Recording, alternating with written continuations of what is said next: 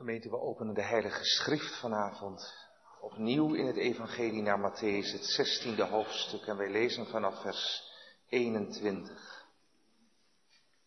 Matthäus 16 vanaf vers 21. Van toen aan begon Jezus zijn discipelen te tonen dat hij moest heen gaan naar Jeruzalem en veel lijden van de ouderlingen en de overpriesters en de schriftgeleerden en gedood worden en ten derde dagen opgewekt worden. En Petrus, hem tot zich genomen hebbende, begon hem te bestraffen, zeggende, Heere, wees u genadig. Dit zal u geen zins geschieden. Maar hij zich omkerende zeide tot Petrus, ga weg achter mij, Satanas. Gij zijt mij een aanstoot, want gij verzint niet de dingen die Gods zijn, maar die der mensen zijn. Toen zei Jezus tot zijn discipelen, zo iemand achter mij wil komen, die verloochenen zichzelf en nemen zijn kruis op en volgen mij. Want zo wie zijn leven zal willen behouden, die zal hetzelfde verliezen. Maar zo wie zijn leven verliezen zal om mijnentwil, die zal hetzelfde vinden. Want wat baat het een mens, zo hij de hele wereld wint en leidt schade aan zijn ziel? Of wat zal een mens geven tot lossing van zijn ziel? Want de zoon des mensen zal komen in de heerlijkheid van zijn vader met zijn engelen. En als dan zal hij in ieder vergelden naar zijn doen. Voorwaar zeg ik u, er zijn sommigen van die hier staan, welke de dood niet smaken zullen, totdat zij de zoon des mensen zullen hebben zien komen in zijn koninkrijk. Tot zover de lezing van de Heilige Schrift. Zalig wie het woord van God horen en het bewaren. Amen. Gemeente, de tekst voor de prediking vindt u in Matthäus 16, vers 24 tot en met 26, in het bijzonder dan de zaak van de navolging, wat in vers 24 treffend verwoord wordt. De navolging van Christus, dat dat ook de vrucht mag zijn van deze avondmaalszondag. Gemeente van God te Apeldoorn, bijeen. De woorden van onze tekst zijn bij ons allen, denk ik, min of meer bekend. Maar hoe staat het gemeente met de zaak die Jezus in dit schriftgedeelte, in deze tekst, aan de orde stelt? Achter hem aangaan. Het christenleven. Dat, dat is jezelf verloochenen. Zijn kruis op je nemen. Hem volgen. U voelt wel aan, jullie voelen aan, dat, dat zijn toch wel zwaar geladen woorden. Diep ingrijpende woorden. Dat verzeker ik u. Wat betekent dat nou concreet in ons leven van alle dag? Neem dan eerste, die verlogenen zichzelf. Zelfverloochening. Daarmee begint de navolging van Jezus. What would Jesus do? Zelfverloochening. Het betekent dat een ander gaat bepalen waar het heen gaat in mijn leven. Nou gemeente, ik weet niet hoe het met u is en met jullie, maar dat botst met mijn ik. Zelfverloochening. Dat is je eigen ik niet op de eerste plaats zetten. Maar het eigen ik durven loslaten. Voorrang aan Hem verlenen, die ons verschenen is.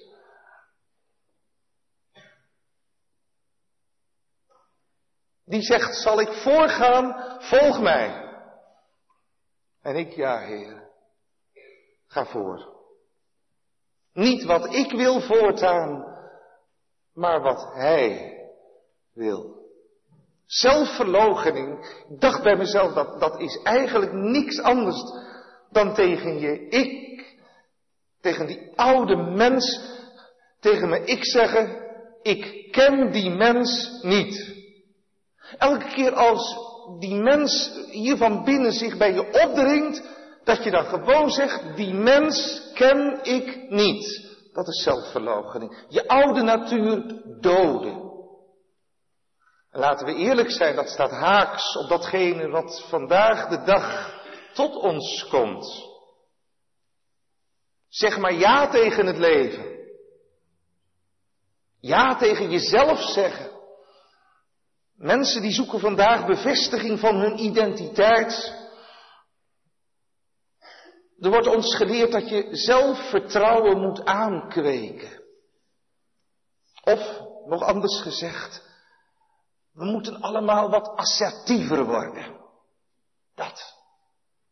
Laat je niet op je kop zitten, dat heb je heel je leven al gedaan. Daarom ben je zoals je bent.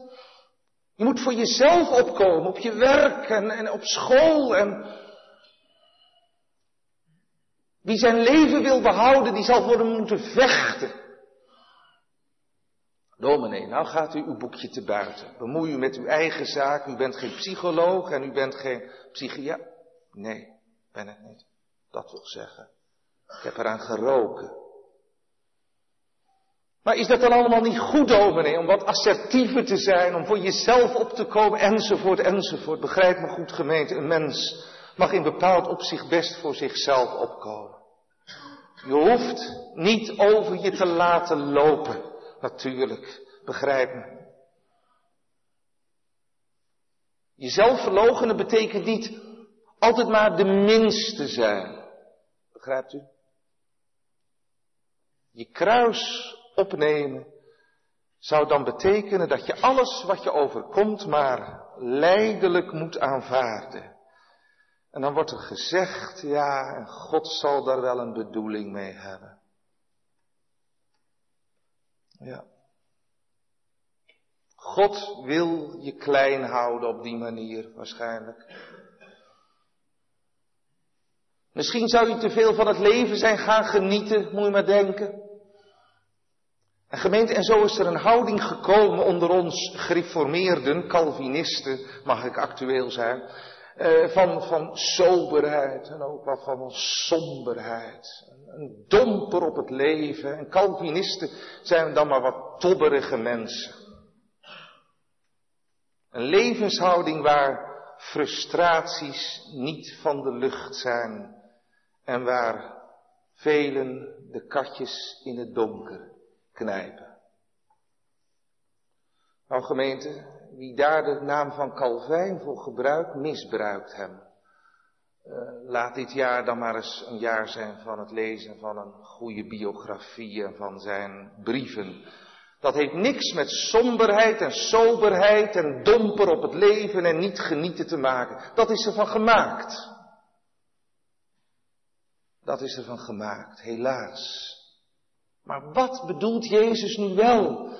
Nou, in vers 27 leert Jezus ons juist dat, dat de beslissingen met het oog op het leven, op de toekomst vallen in dit leven, hier.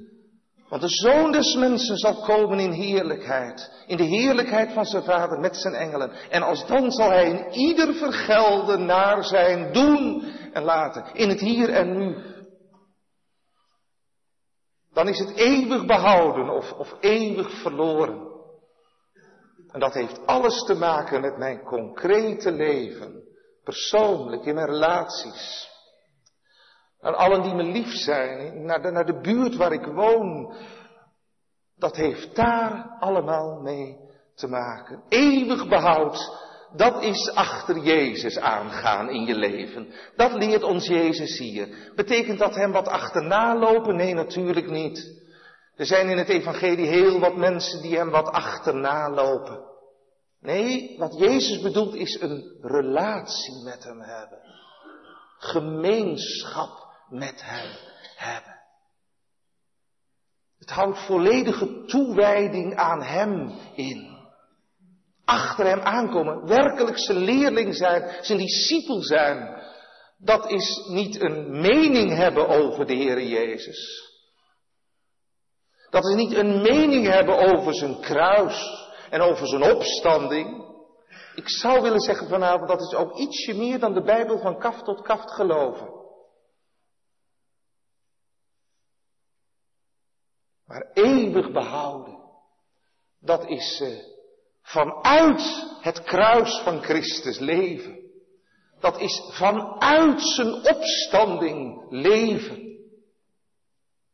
Wie achter mij wil komen, moet geen onmiddellijk succes verwachten, geen eervolle onderscheiding, maar de verheerlijking waarvan Jezus spreekt, het leven, dat gaat door de crisis heen. Dat moeten we bedenken.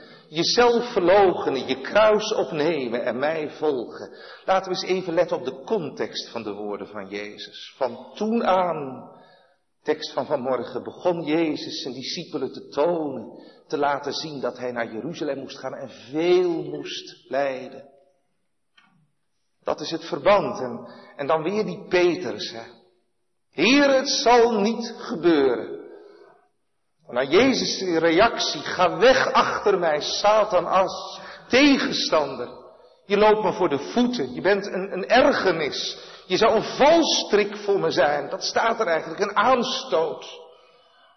Wie achter mij wil komen, onze tekst, die verloochenen zichzelf en nemen zijn kruis op en volgen mij. Broeders en zusters, avondmaalgangers. Hem volgen betekent met hem lijden. Wat betekent dat? Concreet, zei ik.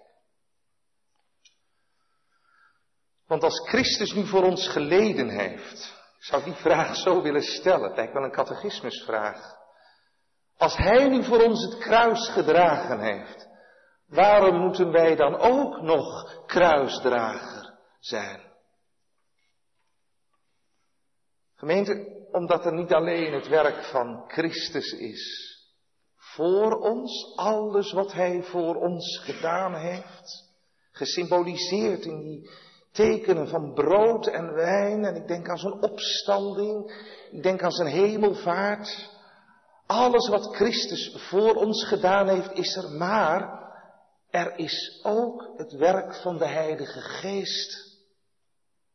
Die ons zo met Christus verbindt in het leven van alle dag.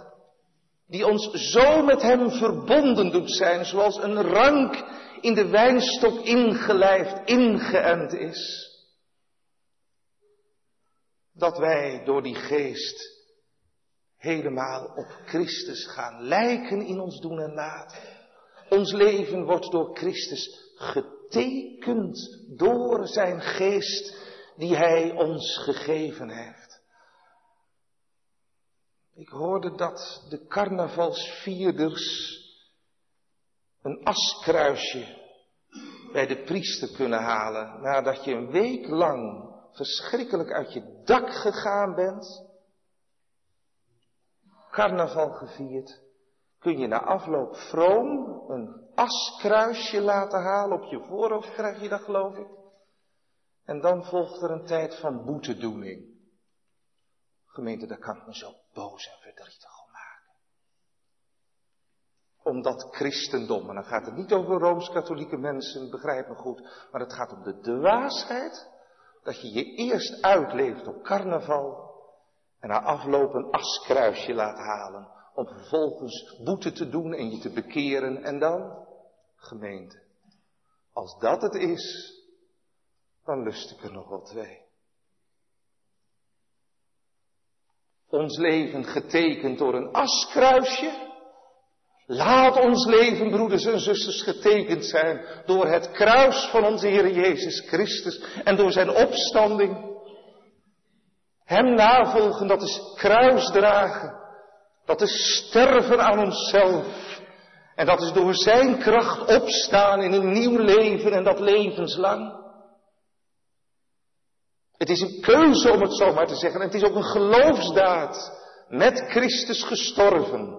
Om nog dagelijks met hem te sterven. met Christus opgestaan in een nieuw leven, om nog dagelijks opgewekt te worden in dat nieuwe leven, navolging van Christus. Dat is dus kruisdragen, getekend door het kruis. Bij de eerste christenen die dit evangelie naar Matthäus lazen, was dat heel duidelijk aan het worden. Omdat ze de Heer Jezus navolgden, hem beleden als hun Heer, hadden ze al spoedig met lijden te maken. De schapen van Christus vanaf het eerste uur waren geen weideschapen, lekker grazend op een groen grasje en heideveldje. Maar de schapen van Christus van het eerste uur waren slachtschapen, martelaren, die de arena's ingedreven werden, die als fakkels dienden voor de tuinfeesten van de keizers in Rome. Navolging van Christus, dat is lijden met hem.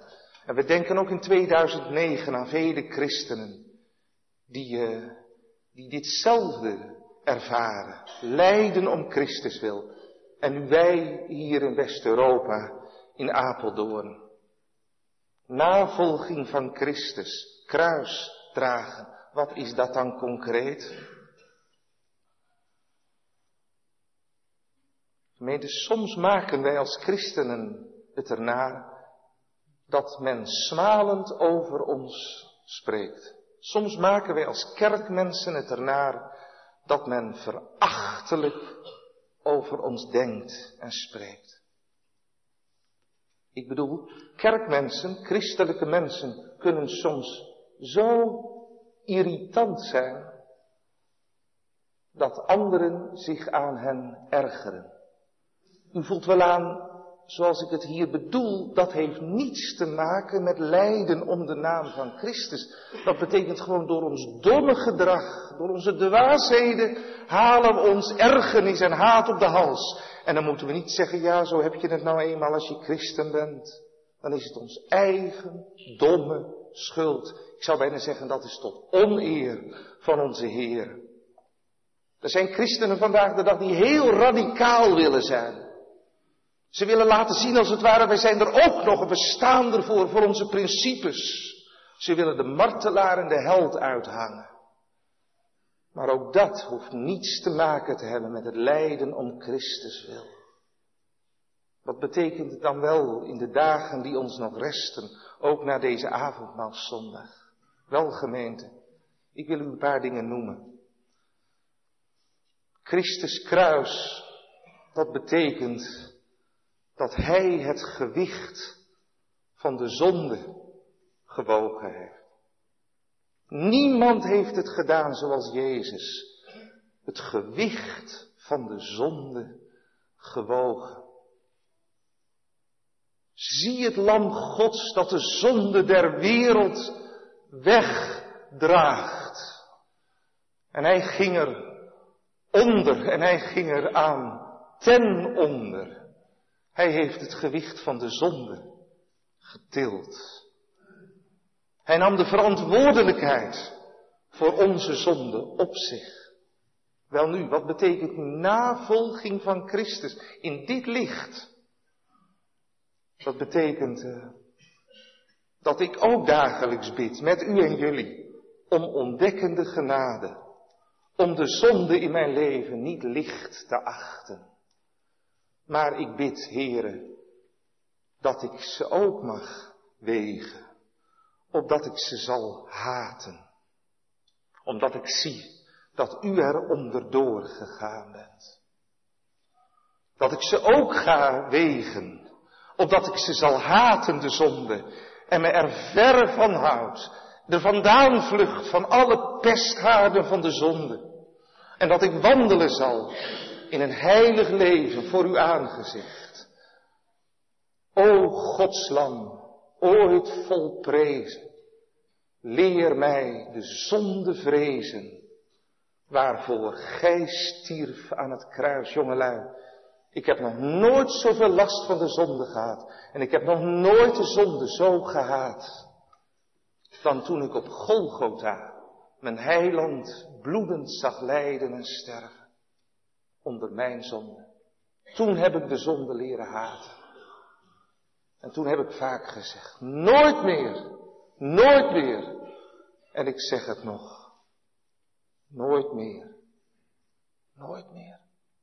En ga nou niet vragen, dominee, ging het toen voortaan goed? Maar als ik op Jezus zie en op wat het Hem gekost heeft, broeders en zusters, dan zeggen we nooit meer. Nooit meer. We gaan het gewicht van de zonde wegen, zoals Hij, in de navolging van Hem. Christus kruis betekent ook dat Hij leed onder de macht van de boze, van het kwaad van deze wereld. Dat Hij leed onder de gebrokenheid hem navolgen. Dat is ook bij de tijd zijn en de krant elke dag lezen, het journaal bekijken en voor mij wat Nova of weet ik wat je allemaal kan zien om, om de actualiteit bij te houden. En dat, dat je het zo ziet dat je met Romeinen 8 gaat zuchten. Zuchten onder, onder de gebrokenheid vanwege de zonde in heel de schepping. Dat je zegt wat erg, wat verschrikkelijk. En dat door mij door onze zonde. Christus leed ook onder zijn volk, Israël.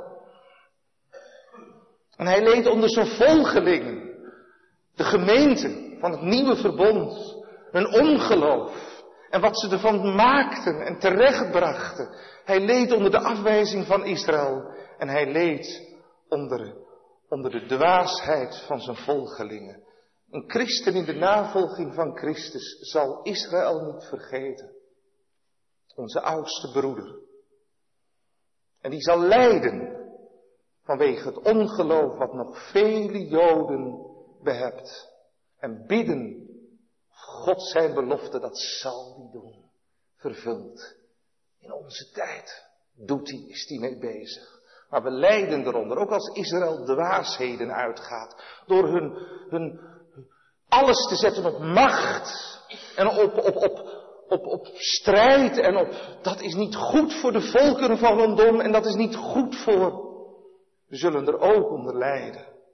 Omdat ze Jezus Messias, velen van hen nog afwijzen. Al zijn er heerlijke tekenen van hoop.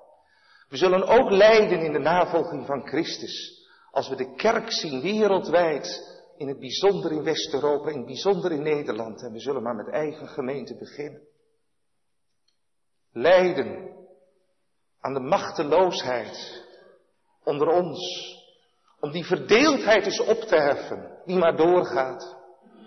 We zullen lijden onder de matheid die soms in de gemeente aanwezig is. Ik zeg het in het algemeen, broeders en zusters.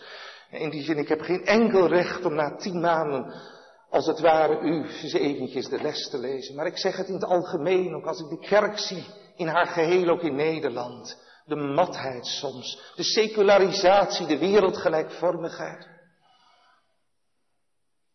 We zullen in de navolging van Christus trouw op onze post blijven en niet weglopen. Die nemen zijn kruis op, navolging van Christus. En die volgen mij. Nou, dat woord komt wel 69 keer voor in de evangelie. 69.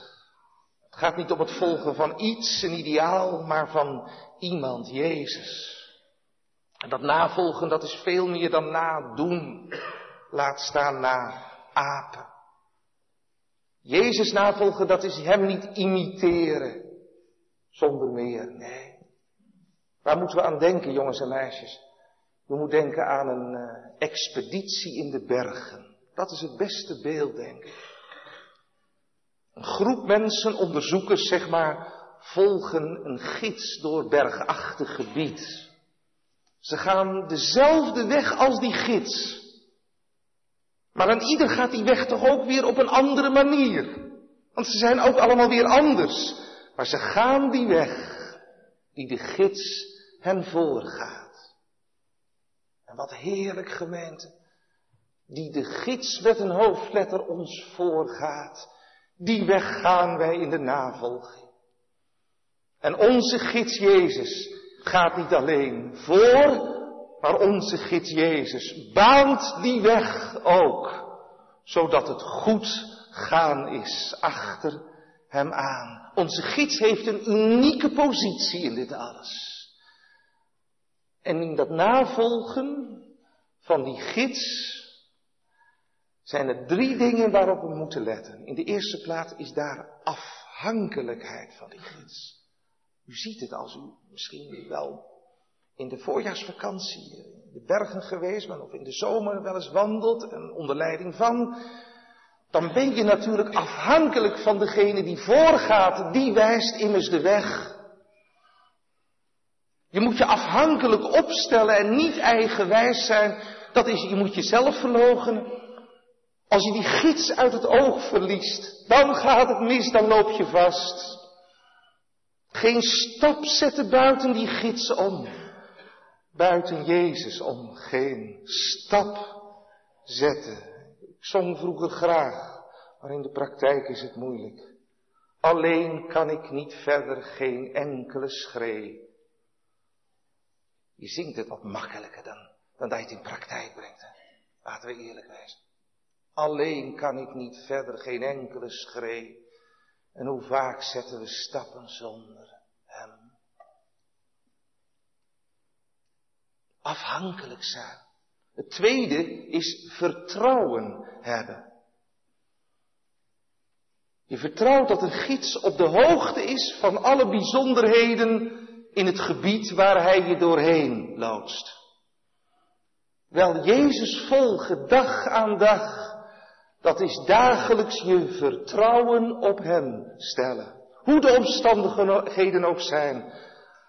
Bij dagen als het zonnetje aan de hemel staat, maar ook als het donker is. Je vertrouwen op Hem alleen stellen. Als Hij ook je leidt door diepe dalen, door duisternissen omgeven, hij gaat vooraan en je hoort zijn tekenen. En je ontvangt zijn tekenen. Ik ben bij je. Wees maar niet bang. Hij baant de weg en hij weet de weg waar onze voet kan gaan. Dus afhankelijkheid. Twee, vertrouwen. Het derde aspect van navolgen van deze gidsgemeente is ook gehoorzaamheid. Dat je goed op moet letten op op wat de gids zegt. Goed luisteren. Goed luisteren. En als je het niet doet, dan ben je de weg zo kwijt. Luisteren naar zijn stem. Schapen van zijn kudde. Luisteren. Die stem die we uit duizend toch kennen. Mijn schapen horen mijn stem en ze volgen mij. En een vreemde zullen ze geen zins volgen, zegt Jezus. De stem die we kennen, die ons riep en die ons weer riep. En die we gehoord hebben, ook in de tekenen van brood en wijn. Die zullen wij volgen. Deze dag uit en de dagen die ons nog resten in de praktijk van het leven. En volgen gemeente in afhankelijkheid, in vertrouwen en in gehoorzaamheid. In dat volgen zit een geweldige troost. Welke? Als wij onze gids volgen, Jezus, dan zullen we nooit daar zijn waar Hij niet is. Ik heb daar een hele poos over nagedacht. Over wat dat nou betekenen mag voor mij, voor u, voor jullie. Daar, daar ben ik. Ja, daar kan ik niet over uit. Als we Hem zo volgen, navolgen, dan komen we nooit, broeders, waar Hij niet is. Knoop het eens in je oren. Hart. En als we Hem zo navolgen, dan komen we waar Hij is. En waar is Hij? Thuis. En als we Hem navolgen, dan komen we thuis. En thuis is het allerbest, toch? Thuis. Hem navolgen. Al gaat het dan door diepten heen, door lijden heen. Van toen aan begon hij zijn discipelen te tonen. Al gaat het dan door diepten van lijden heen. Slachtschapen Christi. Maar we gaan naar de heerlijkheid. Met hem lijden, opdat we ook met hem verheerlijkt zullen worden. Aan het begin van de preek liet ik het woord assertief vallen. En ik zei, een mens moet assertief zijn. Dat zeggen ze vandaag de dag. Dat je niet over je heen moet laten lopen. Ik was wat cynisch daarover. En ik ben dat nog. Want er zit namelijk een groot gevaar in. En dat is het gevaar dat je van vandaag de dag van die mondige mensen hebt. Die geweldig assertief ook zijn. Zo zelfverzekerd door de wereld gaan. En zichzelf handhaven voor iedereen. De mens van vandaag, die een grote egoïst is. En een individualist die geen boodschap heeft aan een ander. Misschien merkt u het wel op uw werk, vooral in deze economische crisistijd. En als het spannend is op je werk, hoe mensen met hun ellebogen bezig zijn om maar te blijven. En dat u er het eerst uitgaat en een wit voetje haalt bij. Assertieve mensen, geen boodschap aan een ander, alleen maar geloven in jezelf. En dan kijken wie de sterkste is. Ja, struggle for life. The survival of the fittest. Kijk daar weer wel. En zo gemeente wordt de samenleving te gronden gericht. Maar Jezus kijkt ons aan en hij zegt, wie zijn leven zal willen behouden, die zal het verliezen. Want wat baat het een mens als zou die nou de hele wereld winnen? Dan leidt hij schade aan zijn ziel. Jongelui, ik stel me mijn hart altijd voor als een vierkant. Ik weet dat het er anders uitziet. Maar stel het even voor als een vierkant. En stop nou eens heel de wereld in je hart. Dan blijven er nog vier lege hoeken over. Dat zegt Jezus. Al zou je heel de wereld winnen. Schade aan je ziel leiden.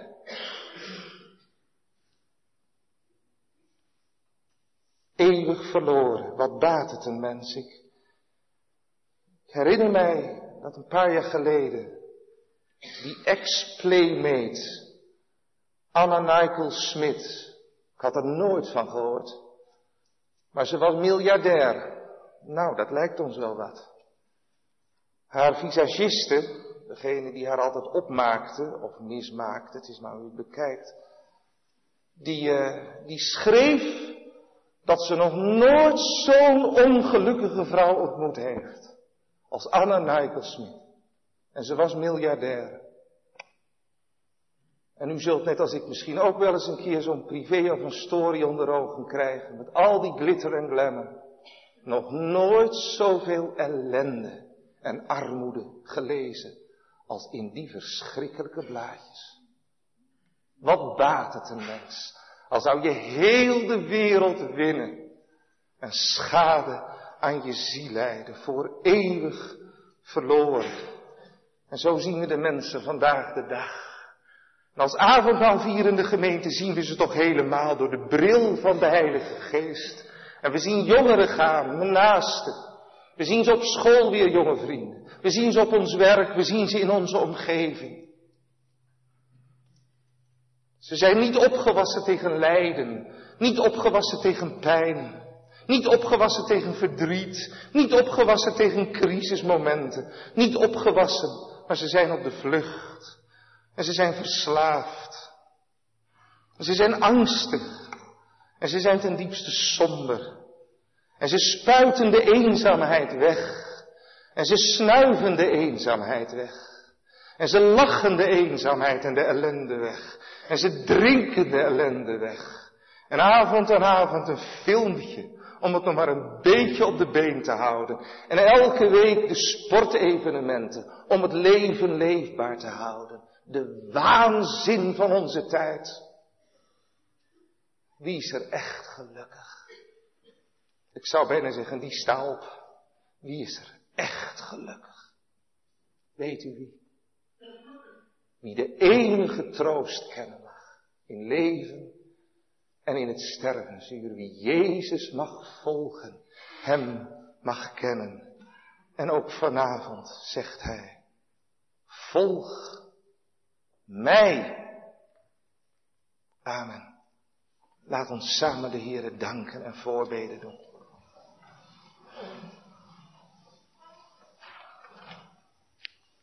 Here, en nog is het tijd. In het heden van de genade. Laat u uw gemeente nog samenkomen op deze zondag van woord en sacramentsbediening.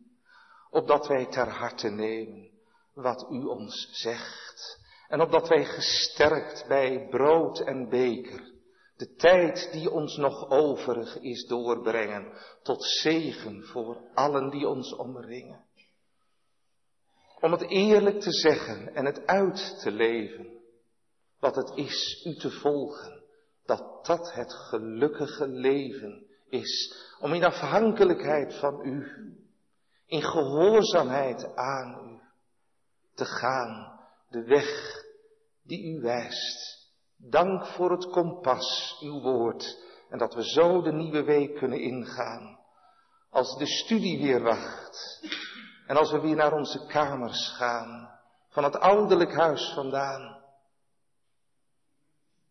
Als het schoolleven weer wacht op in het middelbaar onderwijs en onze kinderen in het basisonderwijs. We bidden u voor hen allen. Bewaar ze bij uw woord, Heere. Wij bidden u voor allen die hen onderwijs geven het christelijk onderwijs, maar ook op de openbare scholen, het godsdienstonderwijs wat daar gegeven wordt. We bidden u voor het werk wat morgen weer wacht. Als we nog werk hebben. In het bijzonder denken we aan hen voor wie het spannend is in deze tijd. En die geen werk hebben, bevelen we u aan, heren. Dat we als christelijke gemeente zorg voor elkaar dragen, elkaar opvangen. Zegen alle ambtelijke arbeid in de gemeente, het werk van de ouderlingen, de ouderling-kerkrentmeesters, van de diakenen, van hen die onder de jongeren werkzaam zijn. Het werk van de dienaren van het woord, de dienstdoende predikanten en, en de emeriti. Geef dat onze gaven voor de toerusting van de ambtsdragers en de jongere werkers ook goed besteed zal worden. We bidden u voor het werk van de zending, voor wie we geld afzonderen. In het bijzonder denken we aan dominee en mevrouw Visser in Zimbabwe. En het werk wat daar gedaan mag worden door zoveel anderen in uw naam. Wees met Jetty van de Belt, met Bram en Sheldry Buitenhuis, en allen die zich geroepen weten om elders in deze wereld dienstbaar te zijn in uw naam. We bidden u voor de zieken in de gemeente. We danken u dat broeder van Schenkhoff uit het ziekenhuis thuis mocht komen. U kent de zorgen van hem, van zijn vrouw, allen dicht om hen heen. Zegen hem, Heer, ook in de weg die hij gaan moet. Wees met broeder Verbeek in het Lucas ziekenhuis er een bloedziekte geconstateerd is. Sterk hem en dat ook hij in het spoor achter u aan kracht ontvangt, heil. Dat bidden u ook voor mevrouw Kerkdijk, die voor een operatie staat. Wees met broeder Kruidbos, die vanwege hartklachten opgenomen moest worden in het ziekenhuis. We denken ook aan broeder Jan van Asperen, mevrouw Harderwijk en Nijhoff. Wees met hen, heren. En al de andere zieken, niet met name genoemd, thuis in verpleegtehuizen. Dank.